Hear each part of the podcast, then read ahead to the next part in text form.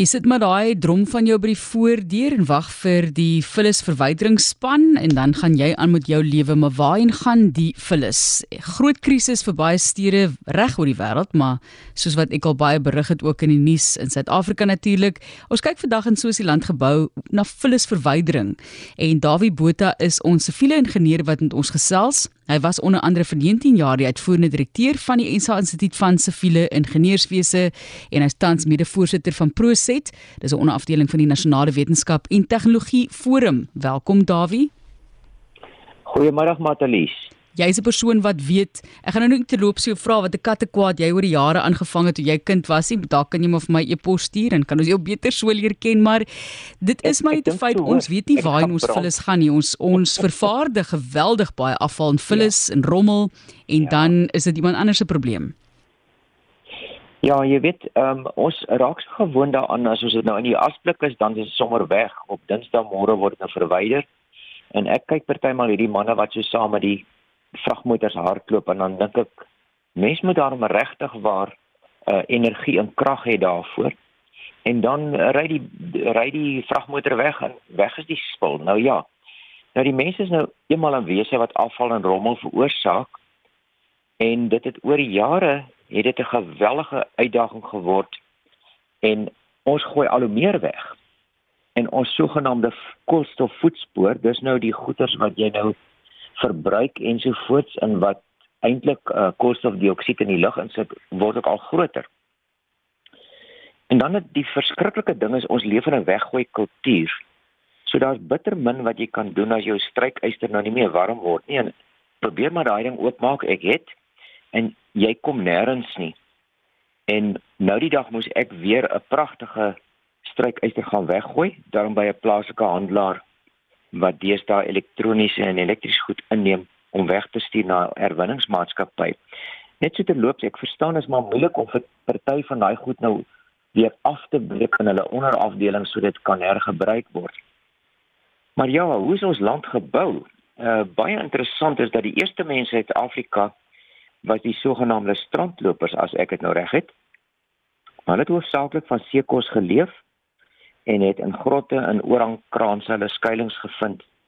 Al langs ons kus is daar dan sogenaamde middens of skulphope en in die grotte is daar oor eeue meters en meters skulpe opgestapel soos wat hulle nou maar die seekos skulpe, mossels ensovoorts daar gelos het. Nou hier uh, by die kelders is 'n is 'n pragtige voorbeeld daarvan waar 'n grot toe nou weer uitgegrawe is om te kyk hoe lyk alles daar binne. Nou hulle het natuurlik met, met ander woorde op hulle eie afvalhope gebly en blykbaar niks oorgekom daarvan nie. En dit was mense wat ook hoofsaaklik natuurlik klere, velklere gedra het en geen elektroniese en chemiese goederes gehad het nie. Maar ja, soos ons ontwikkel het en ons in dorpe begin bly en so dinge begin verander. En ek onthou daar in die aar was daar 'n askar soos wat ons hom genoem het wat die vullis kom oplaai het en die vullisterrein was bekend as die asgate. Ek vermoed die naam het gekom van die as van die stowwe wat weggery weggegooi is. En dan is by die meeste van ons dorpe die vullis wat kon brand aan die brand gesteek. Maar ja, dit is ook 'n opvoedingsstaat wat ons het uh in ons huise en en veral vandag ook met soveel goeders wat ons al hoe meer goeders wat ons weggooi. En ek onthou maar nog hoe my oupa oukamp se leggonhoenders koninklik geleef het van al die groenteskille wat gekook is met seemels gemeng en vir die hoenders gevoer. Ek ruik nog daardie mengsel en sien die stoom op 'n koue winterdag, wintersdag as oupa daai kastrol uitskep. Die hoendermis is weer tuin toe. En as daar 'n koerant was, is dit in velletjies opgeskeer en nou ja, in die klein huisie gebruik. En die huisgenoot het gehelp om die vuur in die warmwater geyser aan te steek. Met ander woorde, daai goed in die afval beland nie. Melk het in bottels gekom en daardie gevaste waste leebottels is dan met 'n kupon uitgesit, papierkupon was dit oorspronklik vir die volgende liter of 2. Nou interessant is dat ek dink van my eerste kenningsmakings met plastiek was toe daardie papierkupon met 'n herbruikbare plastiek skyfie vervang is. Ja, meel en suiker en die goed was in papiersakke en kardoesies.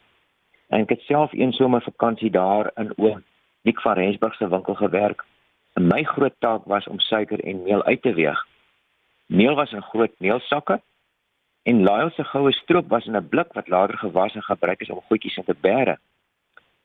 Maar ja, die dinge het verander hoe meer ons dorpe en stede gegroei het en uiteindelik moes siviele ingenieurs betrokke raak by die hantering wat vandag bekend is as vaste afval.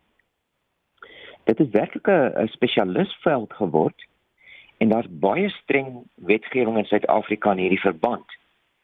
Nou daar is ook seker sekerlik 'n logiese verbinding tussen die siviele ingenieurs se werk en die bewaring van ons omgewing en dit het so met die tyd saam ontwikkel. Maar wat doen ons vandag?